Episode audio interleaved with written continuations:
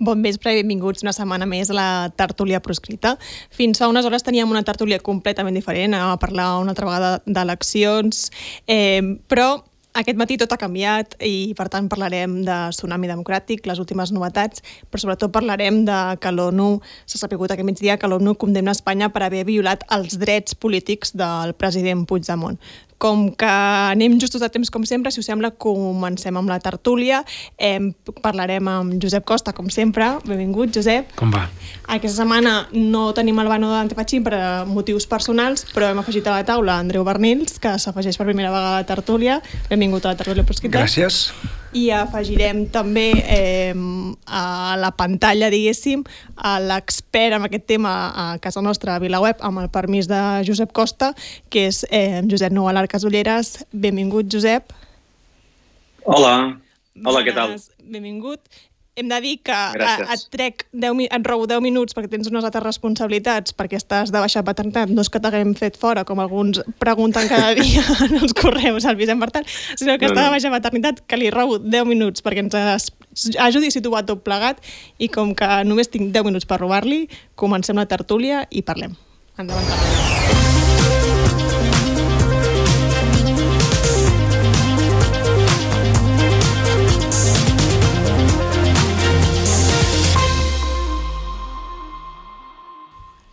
Com dèiem, nou revés de l'ONU eh, contra l'estat espanyol per la repressió als independentistes.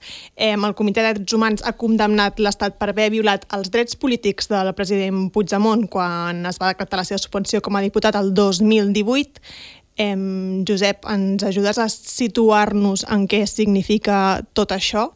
Eh, què significa aquesta resolució?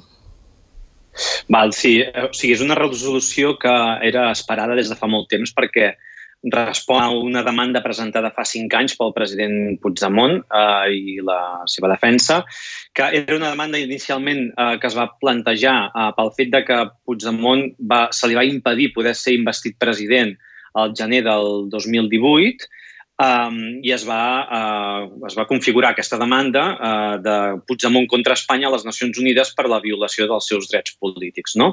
Passa que el, allò era poc després d'aquell intent fallit d'investidura i van anar passant moltes més coses i aquesta demanda es va ampliar a unes altres qüestions també molt importants, fonamentals, que era el fet que Puigdemont va ser suspès com a diputat del Parlament de Catalunya per part del jutge Pablo Llarena en aplicació de l'article 384 bis eh, de la llei d'enjudiciament criminal, eh, que és el que feia el, la combinació d'estar processat per rebel·lió i estar, en aquest cas, en una situació uh, que en diuen de, uh, de processat en rebeldia. No? Va, ser, va ser suspès com a diputat i això es va afegir en aquesta demanda. Llavors, aquesta demanda ha trigat molts anys a que el Comitè de Drets Humans de les Nacions Unides la resolgui i finalment l'ha resolt. Uh, I el que diu és, uh, evidentment, és un, és un cop contra l'estat eh, de dret espanyol perquè el que diu és que es van violar els drets polítics del president Puigdemont pel fet de que se'l suspengués com a diputat. Eh? Um, el que passa és que uh, jo crec que en aquesta demanda hi havia unes expectatives, o almenys jo les tenia, i els que van presentar la demanda lògicament també, de que el Comitè de Drets Humans anés una mica més enllà. Després el Josep Costa segur que puntualitzarà i ampliarà això que diré. I ho comento Eh, des d'un punt de vista de la, una primera lectura que he fet d'aquest dictamen.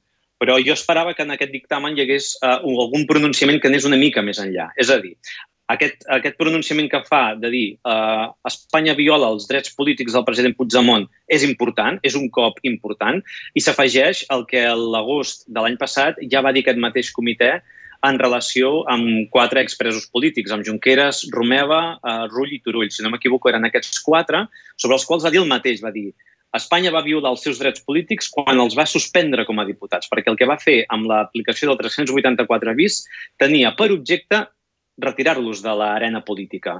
Uh, hi havia una... I, I això no estava uh, justificat des de cap punt de vista uh, legal ni, ni era raonable de cap, de cap manera. No? I és el mateix que diu amb el cas del president Puigdemont. Però deia això de que podia haver anat més enllà perquè en el cas de la investidura en si, del fet que el 30 de gener de 2018 Puigdemont no pogués ser investit president de la Generalitat, aquí el comitè diu que no hi veu una violació de drets polítics que impedís o no se li permetés poder ser investit en absència. Uh, no?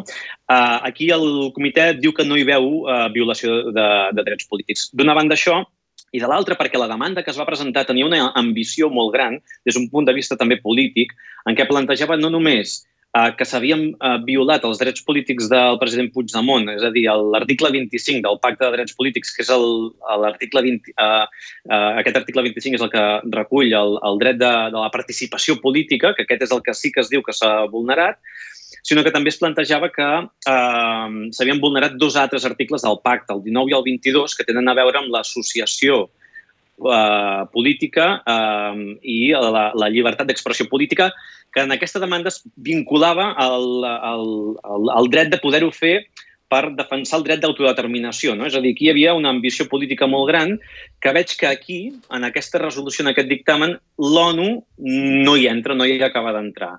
Uh, per tant, jo crec que aquí hauríem pogut tenir avui una carta molt potent i molt bona pel president Puigdemont uh, per fer-la servir uh, i que crec que aquesta carta la té, però des del meu punt de vista, no tan potent com hauria pogut ser. I aquí, com que el Josep Costa d'això eh, hi entén molt perquè bàsicament n'és part, pràcticament, eh, eh, també estarà molt bé escoltar eh, el, que ell pugui, el que ell pugui dir o les observacions que pugui fer sobre això que he dit. Perfecte, Josep. Doncs moltes gràcies. No et robo molt més temps perquè això, tens altres responsabilitats, així que ens quedem aquí amb, amb l'Andreu i el Josep analitzant una mica més. Moltes gràcies. Molt bé. Gràcies a vosaltres. Que vagi bé. Adéu. Adéu. Costa, ell ho deia, formes part. Per tant, eh, què et sembla que primer anàlisi que fa el Josep i aquestes coses que des destaca? Bé, uh, jo crec que és uh, l'anàlisi, diguéssim, l'explicació que fa de la resolució és, és uh, estrictament correcta. El, la qüestió de les expectatives que hi havia és una qüestió que, evidentment, cadascú tenia les que tenia, per tant, uh mhm. -huh. jo aquí no, no, no puc entrar en, en desmentir res del, del que ha dit. Uh, jo crec que el, el, hem de fer una valoració. És veritat que el, que el, eh, Espanya ha jugat molt brut i, i s'ha dedicat, diguéssim, durant molt de temps a intentar retardar. Per això ha tardat 5 anys, aquesta resolució. No? L'estiu passat en va sortir una altra que era posterior. Per què? Perquè Espanya s'ha dedicat a fer tots els incidents per intentar que no fos admesa a tràmit, per intentar que fos inadmesa després per raons de forma, per raons de, de tot tipus. És a dir, per tant, una cosa que sí destacaria és que una primera victòria contra Espanya és que la demanda hagi estat admesa, perquè els esforços que ha dedicat l'advocacia de l'Estat a intentar que no s'entràs a discutir el fons d'aquesta demanda eh, són ingents. I, i, I, per tant, la primera victòria és que la demanda ha estat admesa i que han entrat en el fons de la qüestió. Després, l'altra part, eh, amb el tema del, de, de, de, de lo que és tot el conjunt d'actuacions que fa l'Estat per apartar els líders polítics de l'1 d'octubre de la política, és evident que aquí la victòria és clara i és, i és indiscutible. És que a Nacions Unides condemna Espanya per haver apartat de la política, per haver apartat del Parlament i del govern i de qualsevol responsabilitat eh, pública els eh, líders de l'1 d'octubre, no? el govern de l'1 d'octubre. I això eh, ho, ho va fer amb, eh, no? amb en Junqueras, en Rull, en Romeva, eh, Dolors Bassa, etc. i eh, ho confirma ara amb el número 1 del govern de l'1 d'octubre i amb el president que havia de ser reinvestit en el, en el, després de les eleccions del 21 de desembre. Per tant, aquesta és la lletra grossa i crec que aquesta és la, la, la, el titular que es veurà a tot el món, mm -hmm. a tot arreu. Bueno, a tot el món no sé si es veurà, eh? Uh, uh, i, no, no, perquè Espanya... una, una de les coses que m'ha sorprès i és que, eh, com els mitjans catalans han anat lents en dir-ho, per una banda, sí i com... Els espanyols estan silenciant, diguéssim, no? Ho estan silenciant i bueno, abans d'entrar aquí mirava i la Vanguardia és la desena, desena notícia per sota del partit d'ahir del Madrid, vull dir que, que molta importància i rellevància no li han donat. Jo crec que, diguéssim, la consigna d'apartar Puigdemont, que és el títol d'una editorial del País, Uh, no només és judicial i política, sinó que és mediàtica, diguéssim, no? És una consigna mediàtica i, per tant, a, a, a mi de, de tot això, i, i potser ara en podem parlar, el, la, la importància que té aquesta resolució i alguns diran, bueno, i Espanya què farà amb aquesta resolució? Espanya no farà res. Uh, però a mi uh, el que més em preocupa és quina importància li donem nosaltres, quin efecte li donem nosaltres, perquè ens hem passat cinc anys uh, molts dient-nos que ens havien suspès la democràcia, que ens havien robat les eleccions del 2017, que per tant que allò que havíem votat eh, eh, ho havien avortat des d'un punt de vista judicial, amb males arts, amb tergiversacions de les lleis, i ara això també ho diu Nacions Unides. I per tant, aquest és la, el, el, el, el missatge principal d'aquesta d'aquesta decisió. I després eh, hi ha les, eh, les tecnicalitats que ha, ajudat, ha jugat Espanya, perquè, eh, d'alguna manera, Espanya es va dedicar a, a insistir tot el temps és que, clar, tu no pots ser investit si no hi ets i tu no pots ser investit a distància, tu no, no pots ser investit de manera telemàtica. I, el, i, i nosaltres insistíem, uh, és que el problema no és aquest, és que la denúncia no és aquesta, és que el problema és que m'has enviat a l'exili per apartar-me de la política. El problema no és si és jurídicament correcte o no és jurídicament correcte, o si el president té dret a ser investit sense ser al Parlament. El problema és si acceptes el resultat de les eleccions, el problema és si el Parlament té sobirania per decidir qui vols que sigui el president. No? És si, el, si, el, si Catalunya té dret a triar el seu president o no. La discussió és aquesta. Evidentment, el, el, el, de tant insistir-hi, Espanya, no? el, el comitè li diu sí, eh, diguéssim, demanar que el, eh, el candidat sigui present a la votació d'investidura és un requisit raonable des del punt de vista de que això no, no és un dret del candidat de no ser-hi. Per tant, no és una vulneració dels seus drets el no deixar-hi ser, però la meva resposta o, o, o la meva puntualització és que jo crec que ningú mai ha dit que el president Puigdemont tingués un dret personal de ser investit president sense ser present al Parlament. El que hem dit és que el Parlament ha de ser sobirà per decidir qui vol de president i ha de ser sobirà per donar-se les seves pròpies normes per triar president. I aquest és el problema. És dir, no és un dret personal del president Puigdemont el que està en discussió aquí. És la sobirania del Parlament i la democràcia de Catalunya. Jo crec que la millor frase la millor frase de la, de la decisió aquesta, que però, tampoc no, no, no és innovadora, sinó que és, que és una cosa que la recorda sovint el comitè, és que l'article 25 eh, del Pacte Internacional de Drets Civils i Polítics, que és l'article vulnerat, que es declara vulnerat en aquesta decisió, diu l'article 25 és l'essència del govern democràtic. I, per tant, la conclusió, el resum d'aquesta decisió és que Espanya ha vulnerat l'essència del govern democràtic a Catalunya. Andreu per ajudar una mica la gent que ens escolti o ens miri, la teva intervenció en aquest cas, quina és exactament?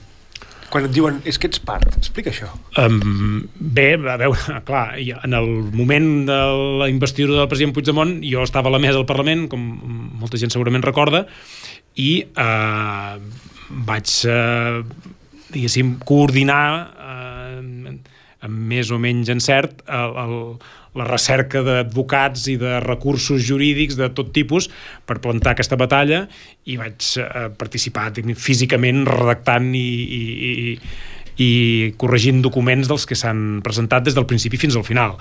Um, aquí hi ha una uh, hi ha una persona que surt a nivell jurídic, que és l'advocat Ben Emerson, que és el que dona la, la cara o el que signa la demanda, no?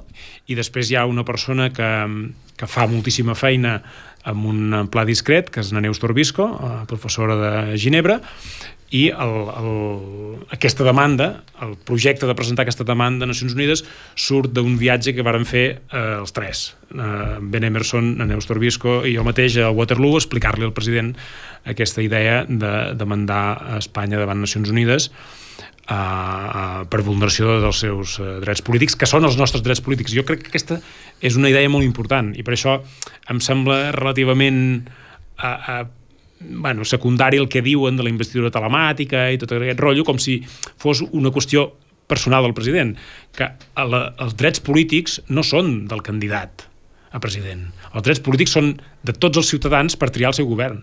L'article 25 diu que tots els ciutadans tenen dret a triar el govern del seu país. I que això és el que s'ha vulnerat. Entenc per això que el que deia el Josep Casulleres era en sentit de que si, si deien això altre de la investidura, obria una porta a Puigdemont eh, de cara a un futurible poder-se ser president de la Generalitat. A veure, jo crec que eh, de qualsevol manera aquest debat torna a estar damunt la taula. És a dir, el, el, el que no diu el, en cap moment no diu ni que el president no tingués dret a ser investit, ni diu que el Parlament no tingués dret a investir el president Puigdemont. Això, cap d'aquestes dues coses no ho diuen. Simplement hi ha un paràgraf que diu que el, el requisit de ser present en la votació eh, és un requisit raonable i, per tant, en termes generals és raonable, per tant, no es pot dir que impedir-ho sigui una vulneració de, de, del, del dret no és, és que ni tan sols diu que estigui prohibit, simplement diu que no, el president no tenia un dret a exigir ser investit sense ser-hi. Però això ningú ha, ningú ha dit mai. Nosaltres no hem dit que el president tingués un dret a ser investit. El que hem dit és que el Parlament i el poble teníem el dret d'escollir-lo president. És una cosa diferent. I ara mateix, bueno, ja, per exemple, tot això encara en parlarem més. O sigui, en el, de resultes de tot el, de tota la jugada eh, no, en aquell moment, hi ha una altra demanda del Comitè de Drets Humans que discutirem això de, des de l'altra perspectiva, des de la perspectiva del Parlament, des de la perspectiva que tenia el, el dret dels diputats a investir-lo, que és una demanda que vaig presentar jo com a, com a ex-vicepresident i que, i que alega justament que el Parlament va ser coaccionat, va ser eh, intervingut per, per avortar, diguéssim, el resultat de les eleccions. Um, jo estic molt satisfet del resultat. El que hem de veure ara és quines conseqüències polítiques té. I això és el que a mi em preocupa una miqueta més. Efectivament, que uh, sembla ser que algú vulgui reduir això a una col·lecció de greuges contra Espanya, etc etc. Perquè, bueno. Per tancar el que diu la sentència, si jo et demanés punts forts i punts febles des del teu punt de vista de la sentència, què diries? La, de les que, coses que estàs content i de les que no tant? A veure, el, el, el que diu la, la sentència és que no, recorda que hi ha una essència del, del govern democràtic que és el dret dels ciutadans a triar el seu govern, que aquest dret dels catalans s'ha vulnerat, s'ha vulnerat en la persona del president Puigdemont no per ell, sinó perquè era el candidat que havia proposat al Parlament per ser president i era el candidat que tenia la confiança de la majoria parlamentària per ser president. Per tant, s'ha vulnerat el dret de tots nosaltres. Uh, I ho diu clarament. Uh, a veure, també una part molt important és que, el, que, que a mi crec que m'agrada i és una cosa que no és molt habitual fan un relat molt extens de tots els fets de, de, tot, de tots els intents, inclús d'Espanya, d'aconseguir que es desestimés la demanda i tot això, eh, es posa en valor l'exili, eh, perquè això, fins ara, clar, algú pot pensar, home, és que l'any passat eh, ja es va dictar una resolució semblant respecte dels diputats suspesos. Sí, però es va dictar una resolució respecte dels presos polítics. I els presos polítics ja sabíem tots, això en el món jurídic ja ho tenim tots clar, que eh, tindrien d'entrada una simpatia, una protecció més gran dels organismes internacionals. No? En aquest cas, és la primera vegada que una decisió d'un àmbit internacional, que no és poca cosa, que és el Comitè de Drets Humans de Nacions Unides, posa en valor l'exili i reconeix que el president Puigdemont a, tenia raó de eh, situar-se a l'exili per evitar l'empresonament arbitrari en una presó espanyola des del punt de vista um, de les coses que deia, home, en aquestes uh, instàncies sempre intenten, d'alguna manera, no humiliar el que perd. No? I no, és així, és així. Intenten um, sí, sí. semblar ponderats, no? És dir, les instàncies que tenen aquest... És dir, la força política i jurídica que té aquesta decisió fa que els mateixos que la dicten en siguin conscients i que intentin no humiliar del tot el, el que perd, no? I, li donen aquesta victòria pírrica de dir que eh, prohibir la investidura telemàtica, que era, era el que perseguia Espanya, no? se'ls veia superinsistents en, en discutir, no, és que, és que volia la investidura telemàtica i això no pot ser. I nosaltres dèiem, és que no és el tema, que nosaltres no volíem la investidura telemàtica, nosaltres volíem que no estigués a l'exili. Però, eh, bueno, i al final ells diuen, home, clar, Bueno, la investidura telemàtica és una cosa que en circumstàncies normals no, no, no hauria de eh, ser una, un dret fonamental del, de, dels candidats i clar, tots hi estem d'acord, no? que en circumstàncies normals no caldria, no?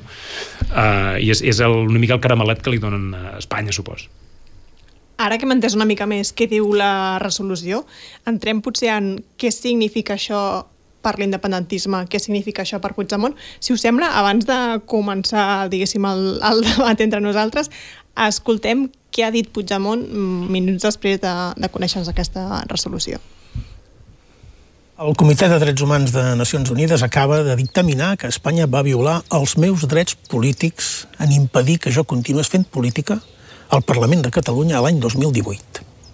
És una decisió importantíssima en el sentit que és la primera vegada que Nacions Unides surt a la defensa dels drets polítics d'una persona que és a l'exili, Uh, I, a més a més, uh, per la contundència en què expressa què representa aquesta violació. Concretament diu que l'estat espanyol va violar el dret a la participació política que és, i cito literalment, l'essència del govern democràtic. És a dir, que un estat de la Unió Europea, un estat dels grans de la Unió Europea, és culpable, segons Nacions Unides, de violar un principi essencial pel funcionament d'un estat democràtic. Per tant, si Espanya viola un article que és essencial pel funcionament democràtic és que efectivament no és una democràcia plena i que és molt lluny de complir amb els estàndards que s'han d'exigir en una democràcia de la Unió Europea. El dictamen també li dona 180 dies a Espanya, eh, primer perquè expliqui quines mesures ha pres per reparar violacions d'aquest tipus eh, i que li insta a assegurar que en el futur no es continuaran violant i de fet s'estan continuant violant jo mateix. Els meus drets com a diputat al Parlament Europeu estan sent violats pel fet que jo no puc per culpa de decisions de l'estat espanyol, jo no puc exercir plenament i no puc anar a la meva circunscripció. I li dona 180 dies també perquè faci una publicació d'aquest dictamen el més àmplia possible, amb la màxima difusió. És evident que estarem amatents com Espanya compleix les resolucions de Nacions Unides. Sobretot perquè d'aquí molt poc, d'aquí molt poc Espanya ha d'assumir la presidència del Consell de la Unió Europea. Ja seria eh, una, un altre atac a més en aquest expedient que l'estat espanyol, que haurà d'estar assumint la defensa dels drets la Carta de Drets Fonamentals de la Unió Europea i haurà de fer discursos i donar lliçons també a altres països de com s'han de defensar els drets, precisament hagi de ser, acabi, de ser, acabi de ser condemnada per violar drets polítics a un representant a un representant democràtic, a un representant escollit, i que li continuï violant pel fet que, insisteixo, que m'impedeix exercir eh, plenament com a eurodiputat. És una bona notícia també pel que fa a la consideració del que és la lluita a l'exili. Per bé que considera que el fet d'exigir la presencialitat en el debat d'investidura en si mateix no és una violació dels drets polítics, sí que diu tanmateix i pren nota, que pren nota de l'argument segons el qual, i cito literalment, el retorn a l'estat espanyol hauria derivat inevitablement en la seva presó preventiva i que l'únic mode de prevenir la violació dels seus drets era mantenir-se fora del territori de l'Estat. És evident. Uh, és evident que defensar-se des de l'exili prevé, evita la vulneració de drets polítics i que en aquest sentit la lluita política a l'exili té també aquest sentit de protegir drets que no són només nostres, sinó que són sobretot dels ciutadans i les ciutadanes que ens han votat, que m'han votat. Que és per això que està escrit també l'article 25. Per garantir que tota la gent que ha exercit el seu dret a vot, que ha escollit uns representants, es veurà respectada aquesta decisió i que no eh, hi haurà mesures de tipus arbitrari que conculcaran un dret que, insisteixo, és essencial pel funcionament de la democràcia. És el moment que Espanya prengui decisions ja. Fa massa temps que dura han vingut altres condemnes contra Espanya i crec que en vindran més. Eh, I Espanya no fa res. Fa alguns maquillatges, però en realitat el nucli dur que permet que es continuïn violant drets polítics es manté intacte. I seria el moment que no continués violant més. Seria el moment que tries tots els obstacles, tots, obstacles espanyols, que impedeixen que el conseller Comín o jo mateix puguem exercir amb tota llibertat, plenament, els nostres drets polítics com a membres del Parlament Europeu, perquè és això que va voler la ciutadania. És això que van votar més d'un milió de persones, ara farà quatre anys. Per tant, estarem molt amatents a com l'Estat, eh, en aquests 180 dies que té, eh, informa eh, Nacions Unides de què ha fet i sobretot exigirem aquesta publicació amb la màxima difusió d'aquest dictamen de Nacions Unides perquè tothom el pugui llegir. Perfecte, doncs això és el que deia el president Puigdemont. Jo, al meu entendre, deia molt de què haurà de fer Espanya envers aquesta resolució. Deixava molt obert què farà ell eh, amb aquesta resolució, segurament. No sé què opines, Andreu, si opines com jo. Bueno, jo d'ell exigiria cascos blaus per poder tornar al Parlament de Catalunya. Si ell se n'adona que la ONU li diu no tornis perquè t'agafaran, doncs que li demani la ONU, molt bé, tornaré. I perquè no m'agafin, vull cascos blaus.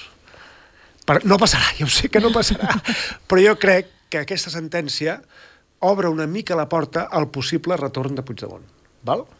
Cosa que a mi no sé si m'agradaria, perquè no m'enfio de l'administració espanyola ni del govern espanyol. Val? Però sí que obre una mica la porta pel que diuen. La ONU li diu tens el dret de tornar, però no ho has fet per perill de que et detenguin. Això obre una via. Mm -hmm. No, i l'altre que, que, jo estic d'acord, eh, de fet crec que és, és eh, escoltant el, el vídeo sense crida l'atenció realment aquest, aquest focus que ell posa en Espanya perquè sap perfectament que el focus és què farà ell, no? Uh, I jo crec que ell legítimament vol esperar uh, les altres sentències que han de sortir ara del Tribunal de Luxemburg abans de uh, prendre una decisió, no? Que seran claus en aquest possible retorn. En, que, serà, que són claus amb el tema de, de, del retorn i, i de la seva immunitat, no? En tot cas, um, hi ha una hi ha una part que, eh, evidentment, sabem, no? És a dir, la resposta a totes les preguntes que el president fa a Espanya ja la sabem. És a dir, Espanya... Això és, és a dir, eh, podem jugar-nos tot el que tenim a que demà aquesta resolució no serà portada en cap diari espanyol eh, perquè, perquè sempre funciona així, no? És a dir, quan perden no, no surt a, a la notícia. I per tant sabem que Espanya dirà que o bé dirà que hem perdut i s'ho inventarà, o bé dirà que um, això no és vinculant, bueno, o sigui, les xarxes ja comencen a sortir aquells, uh, aquelles notícies de que la Generalitat va fer una aportació en el Comitè de Drets Humans eh, econòmica, no? quan la Generalitat contribueix un minso 10% del que contribueix a Espanya a, a tot plegat, eh? i som el 16%, 17% de la població aquí al Principat només. El, la qüestió no és què farà Espanya, eh, és a dir, la qüestió sí que és què farà Espanya. La incertesa no és sobre el que farà, perquè ja ho sabem, eh, jo crec que ens interpel·la a nosaltres, també. Perquè aquí eh, l'acatament la, de la suspensió del president Puigdemont com a candidat a la investidura i després com a diputat, que és ja el moment de fer-ho irreversible, que és el que d'alguna manera l'expulsa de la política catalana i l'envia al Parlament Europeu, aquests acataments inicien tot el cicle de la reculada. I per tant, nosaltres també ens hem de preguntar si aquesta decisió que Nacions Unides confirma que Espanya vulnerava l'essència de la democràcia eh, suspenent diputats i impedint eh, votacions i desfent majories que havien sortit de les eleccions, si nosaltres ens dedicarem a seguir acatant la voluntat d'Espanya o farem alguna cosa diferent. Això ens interpel·la també nosaltres, interpel·la el Parlament.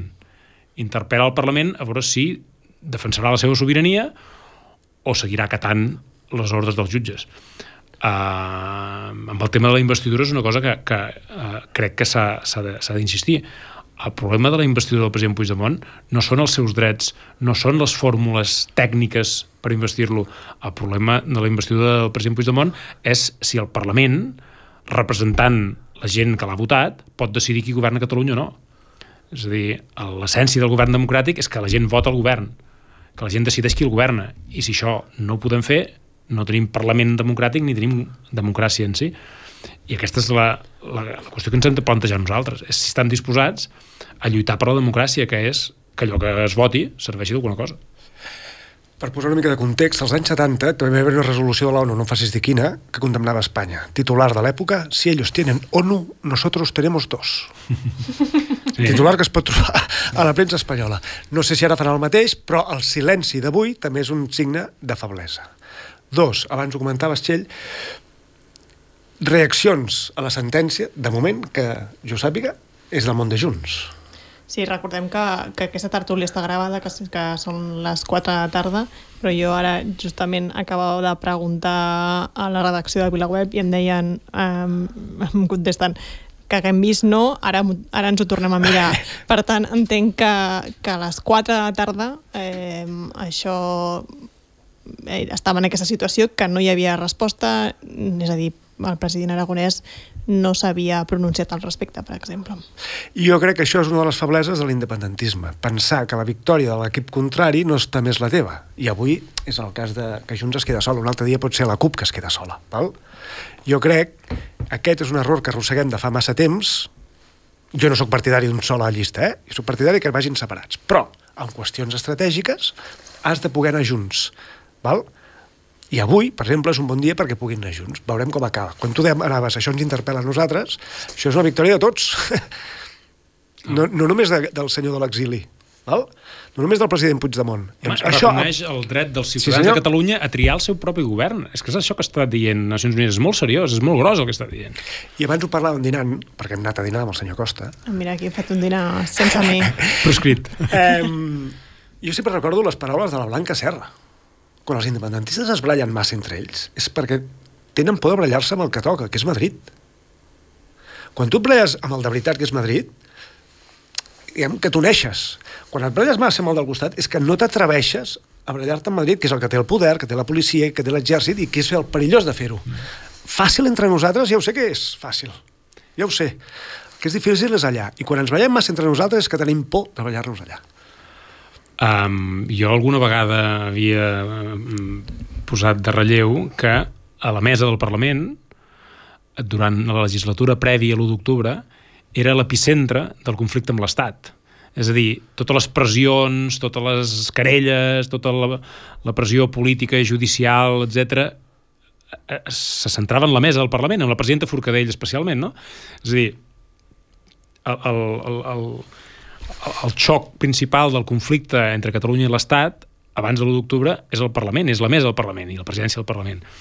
I, en el, i la legislatura que va venir després, la legislatura que ens varen imposar, diguéssim, la suspensió dels candidats a president, la suspensió dels diputats, que ens varen eh, alterar les majories que havien sortit de les urnes, la mesa del Parlament també és l'epicentre del conflicte, però és l'epicentre del conflicte entre nosaltres és l'epicentre del conflicte entre els que volen lluitar contra l'Estat i els que eh, tenen massa por per lluitar contra l'Estat. I acabam, efectivament, aparellats entre nosaltres.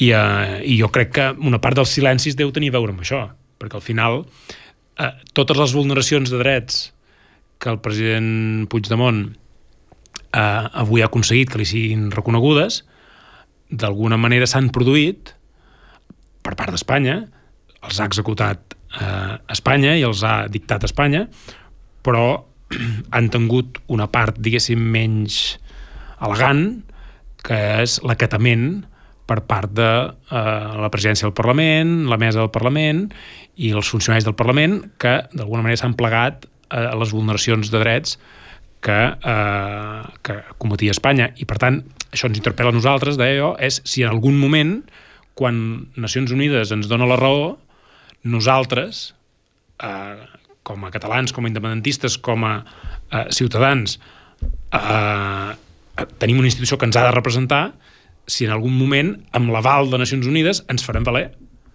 i direm que no podem acatar més. S'ha d'acabar un cicle polític d'acatament. Jo crec que aquesta decisió, per mi, eh, i potser és molt ambiciós el que dic, però per mi hauria de ser la data que marca la fi del cicle d'acatament i de eh, plegar-se a la repressió de l'Estat. I ho serà. Perdoneu per la meva incredulitat, eh? però... Mm... Jo crec que això passarà depenent dels resultats electorals. És a dir, les, els partits canvien d'estratègia depenent dels resultats electorals. Una opció seria després de les municipals i una altra després de les catalanes. L'opció d'acatament dona vots, la continuaran. L'opció d'acatament no dona vots, la canviaran. Crec. I dos, eh, els partits que tenen l'opció de l'acatament no els convencerà un altre partit ni un altre candidat d'un altre partit que aquella opció és l'equivocada. Els convenceran gent del seu propi partit, que diran, no ens dona vots, tu aquesta línia fora i en posem una altra dels nostres. És a dir, a la gent de Junts no els convencerà un d'Esquerra, els convencerà un de Junts. A la gent d'Esquerra no els convencerà un de Junts, els convencerà un d'Esquerra. El canvi de línia, per mi, té a veure amb els resultats electorals i que algú alci la veu des del seu propi camp. Per tant, serà la població, seran els ciutadans qui ens facin canviar les opinions de, Tam dels jo crec que sí. polítics. Jo crec que sí. Ho dic per, si, perquè ens estan escoltant. Però aquesta, exemple, és l'altra, no? És a dir, molt bé, ens interpel·la a nosaltres. Ens interpel·la a nosaltres només com a votants? Quan diem que el procés s'ha anat de, de baix a dalt, quan les coses anaven bé, ens posàvem medalles. Ara que van malament, hòstia, la culpa és dels de dalt, home! Potser la culpa també és nostra, eh? Si el procés es pilota des de baix, es pilota sempre. Quan les coses van bé i quan les coses van malament. La meva tesi és que ara van malament, entre altres coses, perquè els de baix no apretem, saps el que vull dir? I aleshores, imagina't ara que amb aquesta sentència de l'ONU els de baix estiguéssim molt més organitzats del que estem. I en comptes de demanar exigències als de dalt, féssim via amb una estratègia pròpia. Ara has dit una paraula una mica proscrita, eh? Ai. Això d'apretar. perquè, perquè segur, segur, segur que algú sortirà que et dirà és que, clar, és que ens diuen que apretem des de baix, però ens envien els Mossos a tonyinar-nos. Uh, Sí. i, i, I això, que és estrictament cert, uh, no és un argument per no apretar. Uh, jo sempre ho he dit. És a dir, evidentment, la repressió va amb el, amb el sou dels activistes. I quan tu lluites contra una situació injusta i lluites contra un repressor, el que és evident és que uh, t'exposes a riscos i el, el evitar els riscos eh, és quedar-se a casa. I això no ens ho podem permetre. Això és la victòria de la repressió, és la victòria de l'Estat i és la victòria de la- de la- de l'autonomisme i, del, i de la gàbia jurídica en la qual han, han ficat a la nostra classe política. Però jo estic completament d'acord que el, aquí, i fins i tot això que deies de que, de que ens barem entre independentistes perquè no tenim perquè no ens barem amb l'Estat. Uh, una part de, de, de la feina, diguéssim, de, de l'activisme de la gent que no està a les institucions és justament uh, apuntar cap a l'Estat i lluitar contra l'Estat, lluitar contra la, contra la vulneració dels nostres drets, contra la supressió de la nostra democràcia i d'alguna manera eh, tornar a focalitzar el conflicte allà on ens convé que sigui, perquè mm, automàticament, a més conflicte amb l'Estat, menys conflicte entre nosaltres. I, eh, I el contrari també és cert. És a dir, si ara tenim tant conflicte entre nosaltres és perquè no hi ha conflicte amb l'Estat. He de dir que eh, des de la redacció han fet la feina i que sí que hi ha, sí que hi ha tuits. Esther Capell ha fet un tuit dient l'ONU es tira les orelles a Espanya, ja en van unes quantes. Molt bé. Eh, Jordi Soler, eurodiputat, una altra violació de drets fonamentals comesa per l'estat espanyol i contrastada per un organisme internacional i ja van un grapat. I Carla, Rie, i Carla Riera de la, La CUP, CUP. Ha dit no tothom hi era, nosaltres sí defensant drets polítics que mai haurien d'haver estat vulnerats. Ho dic perquè una altra vegada ho, és a dir, eh, parla sobre el tema però també ho fa des d'un punt partidista, dir, recordant que aquell 2018 els únics que Sí, sí. van presentar-se al A ple a l'hemicicle va ser la CUP. Ui, perquè abans hem dit una cosa i... No, i segur que aniran, que aniran sortint. Eh? Segur que a, a les 9 de la nit eh, segur que ja haurà sortit el tuit del president no, de la Generalitat, no, sí, però, diguéssim. però també que és curiós, i ho dic de, de cara a la carrera, no? que i d'alguna manera Junts també ho fan, eh? que tots ho miren des del seu punt Sí, partidista, d'alguna manera, no? no? Ningú mira aquest conjunt com a moviment. Sí. tu, Junts també s'està posant una medalleta, segura, eh? és a dir... Sí, sí, no, i, i, i jo fixa't que tota la reflexió eh, que jo feia, diguéssim, del, del quina ha de ser la resposta política, és independent eh, del que faci el president Puigdemont o del que faci Junts. És a dir, eh, eh, jo eh, el, el, el, el que dic que hauríem de fer, que és eh, fer-nos forts en la defensa de la democràcia i de, i de la sobirania del, del nostre Parlament, eh, ho faig sabent explícitament que el, el president no, com hem sentit, mm. uh, de moment tira la pilota cap a Espanya i ell no es pronuncia sobre què vol fer ell. I, i, i, i, això és una victòria en la seva persona, però és una demanda que ve a defensar els drets de tots uh, i la democràcia de tots. I fins i tot, malgrat la classe política, uh, ens hem de reivindicar, crec jo. Això de què ha de fer Espanya, perquè eh, em sembla que estàs convençut de que no farà res de res, però la resolució sí que parla que l'estat espanyol té l'obligació de proporcionar al president Puigdemont una reparació perquè va passar, també diu que, que l'ONU reconegui que això ha passat ja és una reparació suficient, però que a partir d'aquí l'Estat ha de prendre totes les mesures perquè no repeteixi de nou aquesta situació i els hi dona 180, 180 dies, és a dir, 6 mesos. Eh, per tant, Espanya pot no fer res de res de res? No, Espanya contestarà i eh, enviarà alguna, diguéssim, alguna mandanga que serà tot mentida i, i, i, i intentarà complir amb l'expedient. Però sí, sí, és a dir, amb, el, amb els altres casos que, que coneixem, a, a Espanya envia el, algun escrit dient que, que ja, ja està tot arreglat. Recordem el que va passar amb la, amb la denúncia que va fer Esquerra eh, eh, de, de la vulneració dels seus drets com a partit o dels membres del partit, que eh, Espanya va contestar dient que amb la taula de diàleg ja ho havien arreglat tot, i amb la reforma del Codi Penal i tot això. I per tant, eh, eh, jo, mm, si ara ho hagués de dir, diria que el govern espanyol, si encara hi ha el PSOE quan, quan contestin diran això, que, que tenen un, una fantàstica relació amb el govern de Catalunya i que tot el problema polític de Catalunya està arreglat i solucionat i que ja no es tornarà a repetir res del que va passar el 2017. Vull dir que ja, ja ni es paga que diran això. Bueno, és, la, és la, el, que, el missatge ara d'Espanya, no? que, que això ja està solucionat, que aquí ja no hi ha conflicte. És la pacificació, que és el gol que ens han marcat, diguem amb les, totes les parauletes, eh? O sigui, aquests, aquesta gent estan guanyant la partida. Vale, doncs la pacificació, qui és el responsable de fer-la saltar pels aires, la pacificació? La falsa pacificació, perquè jo crec que no hi ha pacificació mentre hi hagi exiliats i hi ha causats. Mm. Ens han fet aquí un dibuixet que no és real.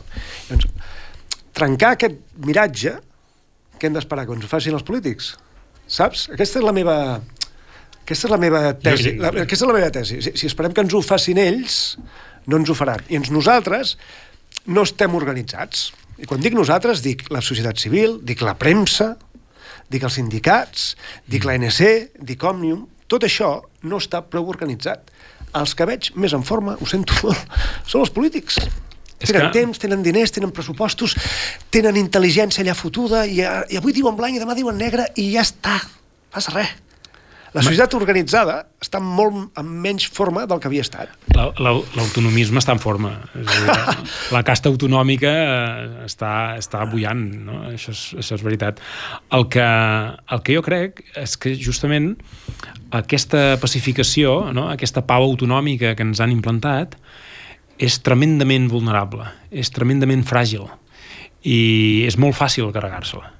Jo crec que, el, bueno, n'estic absolutament convençut i de moment eh, potser encara estic predicant en el desert, però, però que l'objectiu de, la, de la societat civil i de l'activisme independentista ha de ser, en aquests moments, trencar aquesta pau autonòmica. I és molt fàcil. Perquè, més, tenen moltíssima por. És a dir, eh, i ho he comentat algunes vegades ja, que, que el, el, quan el PSOE reforma el Codi Penal eh, i tot allò de la malversació i tal, la justificació que donen és la seva por a que la pau autonòmica es faci malbé. Perquè tenen por, bueno, ara ha sortit aquesta setmana, no?, que en, en Josep Maria Jové i en Lluís Salvador tenen el seu judici al, al, al Tribunal Superior de Justícia i els demanen set anys de presó. I, i clar, tornar a posar a dues persones de la, diguéssim, de la rellevància política d'en Jové i en Salvador, que són la mà dreta i la mà esquerra d'en Junqueras el 2017, eh, és espatllar la pau política aquesta que han aconseguit. I, i, i, i, i clar, si ells tenen por, és que ho hem de fer. és que hem d'aconseguir espatllar aquesta pau política d'alguna manera. Em, fin, fins a quin punt, ara parlàvem, no? de la societat no està prou forta organitzada organitzativament i per lligar-ho a l'altre tema que, que vull parlar avui, eh, de, del tsunami, fins a quin punt el 2017 estàvem realment, la societat realment va ser tan organitzada com, com creiem o, o hi havia una organització per sobre nostra que en, en aquell moment no n'érem conscients. No sé si m'estic explicant, sí. eh? Jo crec que va ser un moviment de parella, de ball. Hi va haver-hi polítics aquí. O sigui, aquesta cosa... Nosaltres vam portar les urnes. No, col·lega, els partits van portar les urnes també que passa que va haver un punt que la gent es va autoorganitzar i amb aquest punt d'improvisació llatina que no caos, improvisació llatina, la gent va fer virgueries. I va ser la gent, no els partits.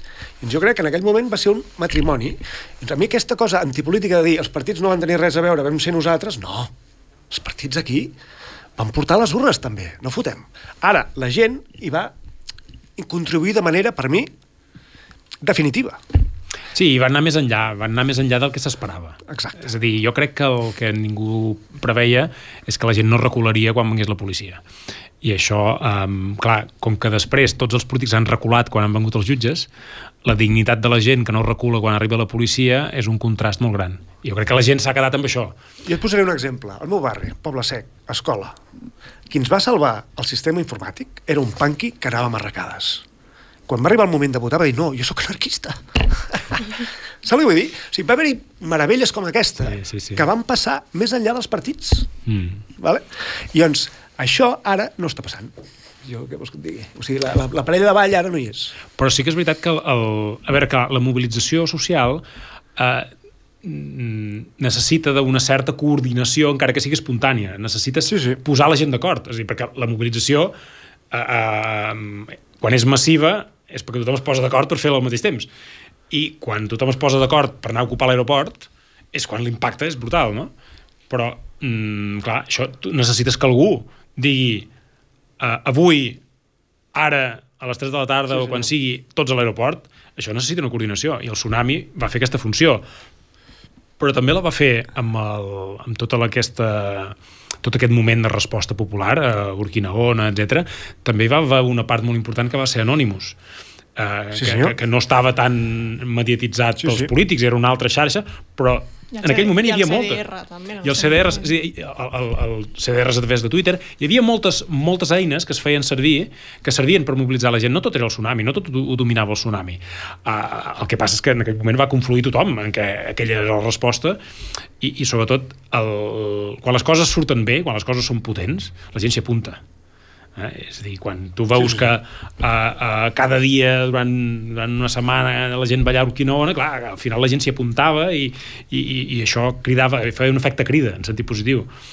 I el, això és el que ens falta ara, perquè ara l'efecte és del el, el, el no fer, no? El, el deixar passar, home, sempre, sempre hi ha algú, alguna excusa per no fer-ho, no? Els polítics no fan la feina, per què hauríem de fer nosaltres? És que els Mossos ens peguen, per què hauríem de sortir? Etc etc. Clar, tot això eh, ens ho hem d'expulsar de sobre, perquè si no, clar, la gent que ha estat en dictadures i en règims polítics pitjors que, que el que vivim nosaltres, eh, si li diguéssim que no, que no han de sortir al carrer perquè la policia eh, eh, fot d'hòsties a la gent, clar, això eh, no, no quedaríem gaire bé dient això. Per afegir una cosa, abans de que passés aquestes coses d'aquest matí, el tertuli d'avui anava que la independència havia desaparegut de la campanya electoral. I de repent, plaf! Et, és a dir, és veritat que la independència havia desaparegut del programa, dels programes electorals, però està allà darrere i de repent et cau una pluja que és Puigdemont a la ONU, vale? o el tsunami. És a dir, el que tu deies abans, eh? és una fragilitat enorme la pau autonòmica aquesta que estem instal·lats. De tant en tant, ells aconsegueixen que això, dir que ells, també dic els nostres, eh? Sí. que això desaparegui. I de sobte cau la pluja. Puf! I ara, feina seva és amagar aquesta notícia. En fi. L'altra notícia que ens ha caigut avui que deia l'Andreu seria que TV3 ha tingut accés a una part del sumari, VilaWeb després també hi ha tingut accés i potser els pròxims dies veurem més coses. Eh, i la novetat seria no, de que s'extreu d'aquests sumaris que sembla indicar que la causa del tsunami democràtic eh, es desfà, diguéssim d'alguna manera, per les negatives internacionals de col·laborar amb l'audiència espanyola. Jo crec que um, uh, tot, tot el que varen fer l'1 d'octubre també té una part, i ara deies, no? l'informàtic que, sí. que, que estava allà al, peu del canó salvant el cens i salvant el, la possibilitat de votar, um, és a dir, per qui ens havien pres? Què, què es pensaven? Que el tsunami era una, diguéssim, era una ocurrència, que era una... No? Que, que, que a nivell tècnic Sí, sí. no estava ben fet? que, que simplement punxant quatre telèfons en Pegasus ja sabrien qui ho ha fet? Ah, és que el, el, el tema és que amb, amb, amb la qüestió informàtica amb la, i no estic parlant aquí de la cúpula de ningú eh? és a dir, perquè Sí, sí, a, a, estic parlant justament de que a nivell popular tot el moviment independentista ha tingut una, una, un front informàtic no? Uh, Sí, sí. Anonymous, els pirates, etc. Hi ha hagut moltíssima gent que ha fet molta feina per salvar el cens eh, el, dia, el cens universal el dia 1 d'octubre, etc etc. Uh, tenim un, un, un saber fer tècnic, informàtic, molt potent. I al marge de qui hagués darrere el tsunami, que mm, segurament eh, ha pres decisions que no les compartim, eh, la qüestió tècnica del tsunami estic segur que no era amateur. I, per tant, és molt lògic que no els trobin i ni Pegasus ni, ni, ni històries, que no, no, no... Tot allò que demana Espanya per aconseguir saber qui realment hi havia darrere el tsunami, que no aconseguiran saber-ho. I això també, això ens, en, ens, ens hauria de uh, fer sentir, diguéssim, una miqueta més empoderats de dir, escolti'm, uh, l'Estat amb totes les eines que té, inclús el Pegasus i tot plegat, uh, encara no aconsegueix ni descobrir qui havia darrere el tsunami, cosa que nosaltres ben bé ja podem intuir, tots nosaltres pràcticament sabem qui era el tsunami, no? però no aconseguiran cap prova, diguéssim, per condemnar ningú i això és, eh, això és jo crec que és una bona notícia, que, que, que realment, un, que els països eh, en els quals van a buscar informació els hi diuen que no, que tot això és una persecució política o és una persecució del moviment polític. O que els o hi donen nicknames, que, no, i que ells no saben després eh, descobrir qui, qui hi ha darrere. Si ho he llegit bé, Suïssa s'ha negat, Canadà s'ha negat, però Estats Units i Holanda sí que han donat alguna mena d'informació, entre les quals m'ha resultat molt interessant el nickname Fuck Spain. Qui va fer el tsunami? Un paio que va firmar com a Fuck Spain. Ho heu vist, això? Sí, sí, sí. En, en, general, en general, tots els sobrenoms que s'han posat, déu-n'hi-do he trobat jo, però bueno, sí. Vull dir que si els interessa posar això en un titular, ja em sembla bé. Avui al matí, Benet Salelles, que és l'advocat d'O- d'Oriol Soler, deia als matins de TV3 el material de la Guàrdia Civil és extraordi extraordinàriament dèbil. Per tant, sembla que tot això el que fa és bastant impossible l'acusació de terrorisme eh, amb tot plegat. Jo crec que es, que es fa impossible qualsevol acusació. Eh, Una, perquè és un exercici de drets fonamentals. Uh, que això és el que els hi diuen els suïssos, no? Diuen, escolti, és que això eren manifestacions.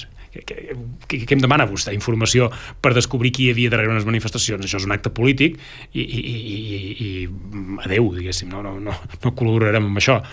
I l'altre és uh, uh, això que dèiem, que, que el, la, la tecnologia Uh, de la mateixa manera que Espanya té una tecnologia extraordinàriament potent per, per espiar-nos, la tecnologia també és extraordinàriament potent per fugir de l'espionatge, diguéssim, per amagar-se. I jo crec que, a banda de que no hi ha cap delicte, és que no trobaran ningú responsable uh, uh, en proves no trobaran les proves de, de, de, de qui va manejar això, si és que ho va manejar algú de manera centralitzada, que també és dubtós, no? Um, és a dir, que, que fins i tot pels estàndards de l'Audiència Nacional, que molt alts, molt alts no són, això sigui una causa que no s'aguanta per enlloc, que no tingui proves per sostenir-se, vol dir que absolutament, diguéssim, han estan fent el ridícul i que han tingut... Bueno, a vegades quan filtren aquestes coses, quan, quan fan filtracions amb grans titulars, eh, com va passar també amb les detingudes del 23S, no? amb, amb els acusats de terrorisme, és, sol ser, quan surten filtracions de l'Audiència Nacional, sol ser que no tenen res. Bueno, clar, durant aquest temps s'han filtrat moltes coses del tsunami i, el, i el, diguéssim, la filtració d'avui entenem que no ve per part de, dels espanyols. Eh, per tant, és a dir, i ara ja tenen la documentació de tot el que tenen els altres. Quan Salelles parla de que el material és relativament dèbil, és que Salelles ara ja té el material de la investigació, per tant, parla amb, amb, amb consistència del, del que ha llegit que, hem, que han investigat i han dedicat molt de temps molts diners i molts esforços i no han trobat res. Cosa que ha de plantejar l'independentisme quina tàctica vol fer servir. Nosaltres ens estem enfrontant a un estat repressor o a un estat feble. Són dues tàctiques diferents. Si l'estat és feble, doncs tornem-hi, no? Total, ens enviaran pocs anys a presó i no ens trobaran res del tsunami. Si ens estem enfrontant a un estat repressor, fem la bandera de que estem en un estat no democràtic i tota aquesta línia que hem de seguir. L'independentisme, aquesta dual línia, que jo crec que és doble. Estem davant d'un estat repressor i feble. Eh, Són les dues coses, sí. Vale. D'acord. Però només fem servir la tàctica del repressor, eh? La tàctica de dir aquests són febles i no van enlloc, no la veig mai. No la sento mai. Abans del 2017 sí, no? Potser? senyora. Però es va canviar Sí, senyora. potser després de l'octubre. De, de, de fet, hem fet el contrari. Que és amplificar la capacitat repressora de l'Estat. És a dir, hi ha molta gent, sobretot a les institucions, a, a, a la classe dirigent, que s'han auto-aplicat eh, la repressió. No? Que s'han inventat coses que eh, ni l'Estat tenia intenció de fer. No? És a dir, jo, jo m'hi he trobat en aquesta situació. Gent dient, és que si fem això ens passarà A, B i C. I, i, i ja érem més creatius nosaltres a autorreprimir-nos que no, és a dir, sí, sí. no, que, que, que, a veure, el, el, és la força de la repressió, en realitat, això. La força de la repressió és quan tu te l'inventes, quan tu li dones idees a l'Estat del sí, que sí, pot sí. fer. Jo, jo crec que... Jo, jo, i, I això, jo posaré un exemple. El, el, probablement el president Torra no s'haurien atrevit a inhabilitar-lo de la manera que ho varen fer i apartar-lo del govern de la manera que ho varen fer si la, la, la pròpia gent del seu voltant, no? del govern i dels partits i de, de, de la classe política i mediàtica, no haguessin fet plausible aquesta idea. És dir, no, no haguessin venut la idea de que no, no, retira la pancarta que t'inhabilitaran, que, i, i, i per tant, el, el, des de dins s'estén, diguéssim, la catifa perquè entri el repressor perquè i, i jo m'hi he trobat moltes vegades no, és que si fem això ens acusaran de no sé què si fem això ens acusaran d'aquest delicte si fem això ens acusaran d'aquell altre. I, i normalment a, a, a, l'Estat ha fet molt menys del que la gent ha imaginat que oh, podria fer. I, i, i, i això, això és el que hem d'aprendre aquesta lliçó també no? l'Estat no té la capacitat de tancar-nos tots a la presó. Van tancar nou persones a la presó i al cap de tres anys no podien sostenir-ho, van deixar sortir. I ara no tenen ningú a la presó el cas especial d'en Pablo Hasél, que, que el sostenen d'una altra manera, diguéssim, no? I, i aquí potser la Conselleria de Justícia també hauria de donar explicacions de com el, com el tenen allà tancat. Però crec que, es, crec que no es pot mantenir o dissociar de lo nostre, diguéssim, uh -huh. no? de, de, del moviment independentista. Uh, I ara aquesta pau que dèiem abans és no tenir ningú a la presó però és, és el triomf de la repressió, és el triomf de dir, escolta, no em cal tancar ningú a la presó perquè ja s'han tancat ells en una presó mental que no els deixa fer res. Malgrat tot, la repressió continua, perquè aquesta setmana hi ha hagut el judici, per exemple, del Carles de Sants, que li demanen 3 anys i mig de presó, crec recordar.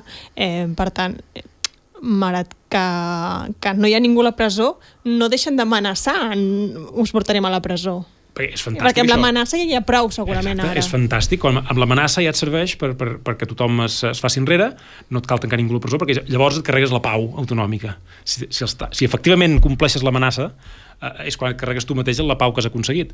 Per tant, has de, d'estirar el xiclet de l'amenaça tant com puguis. Has d'anar allargant l'amenaça, allargant l'amenaça, i això és el que fan. Fa 4 o 5 anys que estan allargant l'amenaça de tancar-nos tots a la presó, i ara mateix no hi tenen ningú. Però tots, tothom està espantat amb la idea d'anar a la presó, però no hi ha ningú a la presó. normal, eh? Per altra banda, diré que estigués espantat, com a mínim jo també ho estaria, però sí, entenem el que, el que va dir el Josep. Eh, l'Aleix em va dient, talla, talla, talla, eh, ja t'estàs passant. per tant, em sap greu, però haurem de deixar aquí la tertúlia. Un plaer conversar amb tots dos. Benvingut, Andreu, a la tertúlia per Gràcies. primera vegada. Ja, ja et recuperarem algun dia, segurament, però la setmana que ve torna el venedor Antefachín. No patiu, no hi hagi nervis, que ja em conec amb les xarxes últimament. Els fans de l'Albano, eh? Tornarà. Sí, sí, tornarà, no patiu. I ens veiem la setmana que ve. Fins la setmana que ve. Adéu.